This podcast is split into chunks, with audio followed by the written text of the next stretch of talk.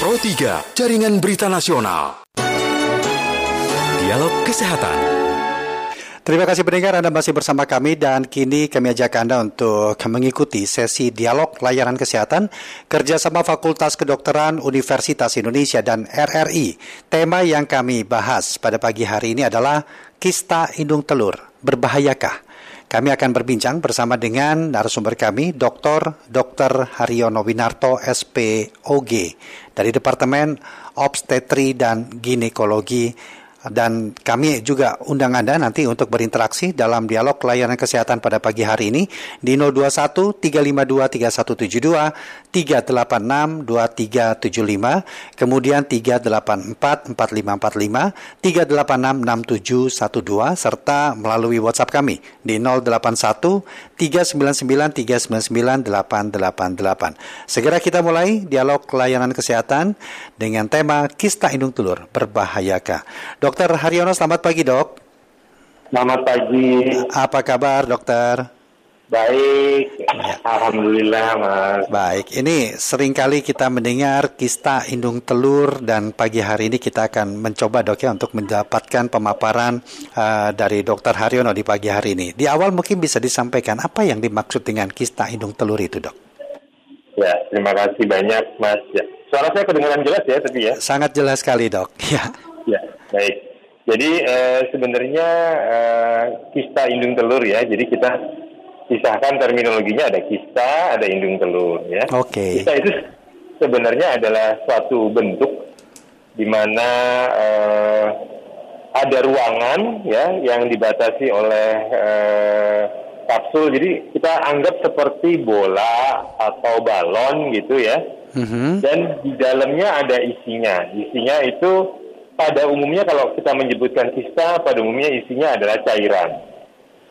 Nah, nanti cairannya itu bisa konsistensinya bisa sangat encer atau lebih pekat ya, atau bahkan ada yang dengan bagian-bagian yang padat.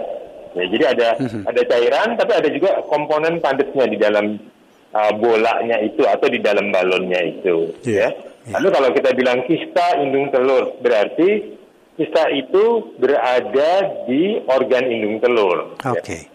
Ya, jadi sebenarnya kalau terminologi kedokteran kalau kita menyebut kista itu bisa di mana saja, mhm, termasuk mm -hmm. di ginjal, di liver. Mm. Nah, cuman kalau yang menyangkut dengan bidang saya ya memang kebanyakan kista itu adalah di indung telur. telur. Ya. Oke, jadi ya. itulah yang dimaksud dengan kista indung telur, adanya kista di bagian organ indung telur, begitu dok ya? Iya. Ya. ya. Penyebabnya apa ini dok? Uh, penyebabnya bisa macam-macam ya. Sebenarnya salah satunya juga belum tentu itu adalah suatu penyakit. Mm-hmm. Bisa juga itu adalah variasi normal. Jadi uh, di indung telur tuh indung telur organnya sangat dinamis ya. Jadi dia mengikuti siklus haid ya. Yang berarti ada hormon yang naik, ada yang turun ya. Nah itu bisa terjadi uh, terbentuknya kista mm-hmm. yang dia nanti kalau uh, siklus haid atau jadi gini uh, hormonnya nanti naik turun segala macam itu nanti dia bisa menghilang uh, sendiri kistanya ya. Hmm.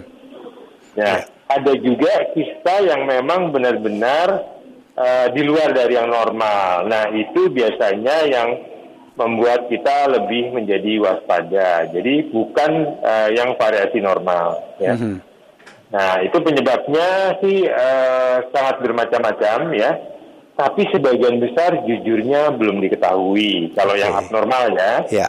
ya uh, yang diketahui yang juga banyak adalah mungkin adalah kista, mungkin pernah dengar endometriosis. Hmm. Ya, itu pun juga belum 100% diketahui penyebabnya, tetapi itu berhubungan dengan uh, hormon biasanya. Oke. Okay. Jadi ya hormon estrogen biasanya orang menghubungkan dengan estrogen. Iya. Jadi ada yang ada yang umum dia akan melepaskan diri sendiri, ada yang memang tidak normal tadi dok ya.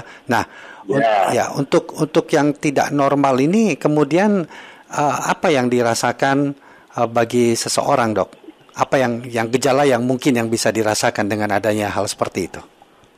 Ya, Uh, ini juga sering ditanyakan ya, ini memang sangat ini banget ya. Uh-huh. Uh, jadi kisah itu juga uh, variasi gejalanya sangat bermacam-macam ya. Mulai dari yang tidak ada gejala sama sekali ya. Jadi kalau kistanya itu uh, adalah kista yang ukurannya kecil biasanya ya. -hmm. Kalau ukurannya kecil biasanya hanya ditemukan secara berkebetulan. Karena kista yang kecil itu dia ada di dalam rongga perut bawah. Di mana rongga perut bawah itu space-nya sangat besar. Ya. Jadi selama dia kecil dan belum mendesak organ lain dan tidak mengganggu fungsi organ lain, sering tidak ada gejala. Oh. Nah, ada juga yang menimbulkan gejala nyeri. Gejala nyeri biasanya tidak jauh dari misalnya ada infeksi, ya. Mm -hmm. Kalau ada infeksi karena ada radang maka dia akan nyeri. Yeah. Dan yang yeah. berikutnya lagi bisa nyeri juga kalau dia ada bagian padatnya ya. Sehingga dia seperti tertarik, apalagi kan uh, yang namanya uh, manusia kan selalu dia jalan, duduk, ya, terus uh, berdiri, terus jalan lagi. Nah, mm -hmm. itu kalau ada bagian padatnya, dia juga terpengaruh dengan gerakan badan dan dia seperti kayak tertarik gitu ya jadi hmm. dari uh, penggantungnya ya penggantung indung telurnya itu dia jadi seperti yeah. tertarik dan bisa terpuntir makanya nyeri. Oke. Okay. Jadi ah, ya itu tadi gejala awal yang bisa dikenali bahkan tidak bergejala bahkan dok ya. Iya iya. Ya dokter Haryono mohon izin kita jeda sesaat dok ya untuk iya, mengikuti ya, informasi singkat. Mohon tidak diputus dulu teleponnya nanti akan kita lanjutkan kembali dok ya perbincangan di dialog layanan kesehatan pagi hari ini. Ya, pendengar, nanti kami juga undang Anda untuk berinteraksi dalam dialog kami pada pagi hari ini. Namun sebelumnya kami akan ajak Anda menuju ruang gatekeeper kami untuk mengikuti informasi singkat berikut ini. Kilas Berita. Kilas Berita. Pendengar Federasi Aerosport Indonesia atau FASI Provinsi Bali akan menggelar Bali International Bugi 2022 yang merupakan kegiatan terjun payung skydiving non-kompetisi berskala internasional yang akan diikuti penerjun mancanegara dengan kualifikasi minimal intermediate sampai dengan profesional. Kegiatan yang bertemakan Jump in Paradise merupakan kegiatan pariwisata minat khusus olahraga dirgantara yang diharapkan dapat membangkitkan pariwisata dan ekonomi Bali pasca pandemi. Informasi lebih lanjut dan menarik lainnya bisa Anda akses di rri.co.id.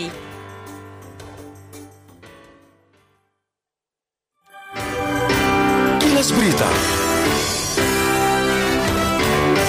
Pro 3, Jaringan Berita Nasional. Dialog Kesehatan.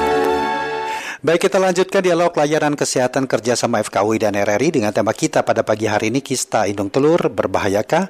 Bersama dengan Dr. Dr. Haryono Winarto SPOG dari Departemen Obstetri dan Ginekologi. Baik, terima kasih dokter sudah menunggu tadi untuk jeda sesaat dok ya. Ya. ya. Ketika meras atau seseorang merasakan gejala yang tadi dipaparkan, apa yang harus dilakukan? Tapi sebelum itu kita terima dulu pendengar dok ya. Sudah ada yang ya. akan berinteraksi ya. dengan kita pagi hari ini. Ada Pak Udin di Boyolali. Selamat pagi Pak Udin. Selamat pagi, Assalamualaikum warahmatullahi wabarakatuh. Waalaikumsalam warahmatullahi wabarakatuh. Silakan Pak Udin. Dokter Haryono. Uh, ya. Kista ya, kista itu uh, teknik penyembuhannya dioperasi atau makan atau gimana dok? Memberikan terima kasih. Assalamualaikum warahmatullahi wabarakatuh. Waalaikumsalam warahmatullahi wabarakatuh. Berikutnya ada Pak Miftah di Yogyakarta. Selamat pagi Pak Miftah. Selamat pagi Mas. Selamat ya. pagi. Ya. Aliono. Ya, selamat pagi Pak. Eh, gini Pak Dokter, Eh, rata-rata kan kalau orang perempuan tuh kalau datang haid itu kok ada nyerinya apakah itu berbahaya mm-hmm. atau mungkin kalau ada yang sakitnya sakit banget ada yang sakitnya mungkin biasa eh, cara mengatasinya gimana yang pertama ya yang kedua gini eh, ada tuh punya teman eh, lumayan banyak jadi kok eh, ketika punya anak itu kok lama ya itu itu faktor apa ada yang 10 tahun atau 15 tahun hmm. itu kok eh, kadang udah di medis juga nggak nggak belum belum dapat nomor itu faktor terbesarnya apa dan solusinya gimana? Ya, baik. Terima kasih. Assalamualaikum. Waalaikumsalam warahmatullahi wabarakatuh. Terima kasih Pak Miftah ya. Ya, silakan uh, Dokter Haryono mungkin bisa menanggapi apa yang ditanyakan ya. Pak Udin tadi dan juga Pak Miftah. Ini bapak-bapak semua ya. nih yang tertarik dengan tema kita ini, Pak. Dok. Oh iya iya. silakan. Jadi memang uh, kalau kista itu pengobatannya ya itu uh mhm. Bisa beragam juga ya. Jadi ada yang membutuhkan tindakan, ada juga yang hanya dengan pengobatan saja ya. Itu tergantung pada jenis kistanya apa. Memang yang paling enak adalah uh, memeriksakan diri ke dokter kandungan dan mendiskusikan kira-kira uh, pengobatan terbaiknya apa. Jadi hmm. tidak semuanya harus dioperasi. Yeah. Dan uh, ada beberapa juga yang kalau sudah dioperasi nanti dilanjutkan dengan uh, pengobatan juga. Hmm. Seperti itu sih kira-kira. Jadi bergantung sih, karena jenisnya sangat beragam sekali. Oke. Okay. Jadi satu orang dengan yang yang lain akan sangat berbeda kasusnya begitu dok ya, sehingga iya, penanganannya pun juga akan dilakukan secara berbeda. Mungkin juga bisa ditanggapi dari apa yang ditanyakan Pak Miftah. Uh, kenapa kok sering kali uh, perempuan ketika menjelang haid merasakan nyeri, kemudian juga mengenai teman-temannya banyak yang kok lama ya punya anaknya sampai berapa tahun ke depan begitu dan sudah memeriksakan diri ke dokter juga belum mendapatkan hasilnya. Mungkin ada pencerahan di sini, Dok. Silakan. Ya, jadi memang e, kalau haid itu e, terasa nyeri, itu bisa bermacam-macam juga penyebabnya ya.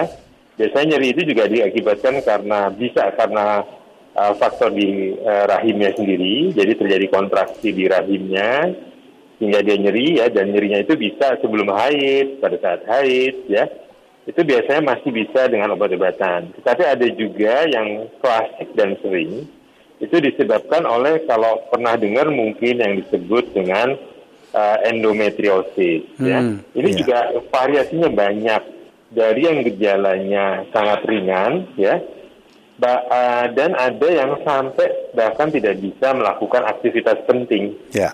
Jadi misalnya kalau kerja jadi nggak bisa, jadi terganggu, dia harus minum obat dulu, ya bahkan ada yang harus istirahat ya.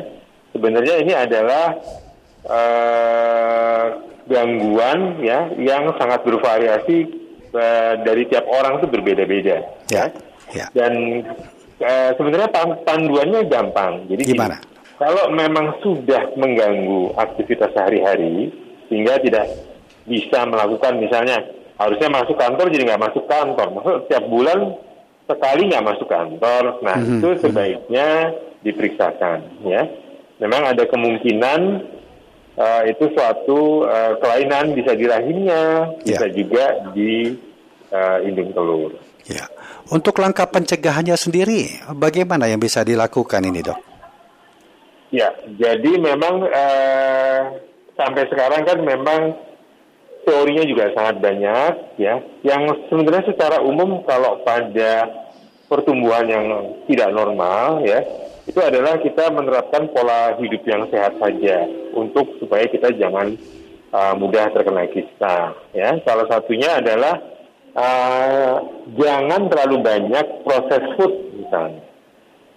Ya hmm. jadi kita uh, dalam uh, keseharian kalau makan sealami mungkin ya usahakan ya jangan terlalu banyak proses food ya terus uh, istirahat cukup ya olahraga juga ya dan menghindari stres sebenarnya hmm, itu langkah-langkah yang bisa dilakukan untuk uh, sebagai langkah pencegahan dok ya Ya. ya. Tetapi kalau memang tadi kan gejalanya sudah disampaikan oleh Dokter Haryono. Nah, kapan tepatnya kita memeriksakan diri ke dokter? Terus kemudian menceritakan apa yang kita rasakan itu yang paling tepat adalah yang yang yang dalam kondisi yang seperti apa. Apakah memang harus menunggu dulu gejala nyata yang tadi dirasakan atau ada hal lain yang perlu disampaikan juga ke dokter ya pertama kalau memang ada gejala nyeri ya uh, periksakanlah diri ke dokter. Nah yang kedua sebenarnya kalau di organ kandungan sendiri itu ada yang membutuhkan pemeriksaan setelah seseorang itu menikah, yaitu pemeriksaan untuk screening kanker serviks sebenarnya, ya. Jadi itu biasanya orang akan dilakukan tes, bisa pap smear, bisa IVA, ya. Nah, pada saat itu bila dilakukan di uh, rumah sakit yang ada USG, ya. biasanya akan sekaligus diperiksa. Nah, dan dari situ bisa ditemukan ada atau tidaknya kelainan pada indung telur. Jadi memang uh, kalau kita mengajarkan periksa tidak ada gejala itu juga boleh. Hmm. Tapi uh, sebaiknya pada saat uh, misalnya screening kanker serviks ya, yang sebenarnya sudah dianjurkan oleh pemerintah tuh screening kanker serviks yeah. ya Ya, Baik. itu bisa sekaligus. Ya. Baik, Dokter Haryono, terima kasih dok ya sudah mengisi dalam dialog layanan kesehatan pada pagi hari ini.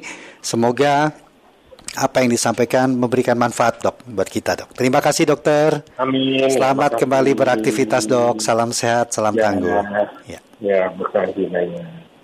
Demikian tadi dialog layanan kesehatan kerjasama FKUI dan RRI dengan tema kita Kista Indung Telur Berbahayakah bersama dengan Dr. Dr. Haryono Winarto SPOG dari Departemen Obstetri dan Ginekologi.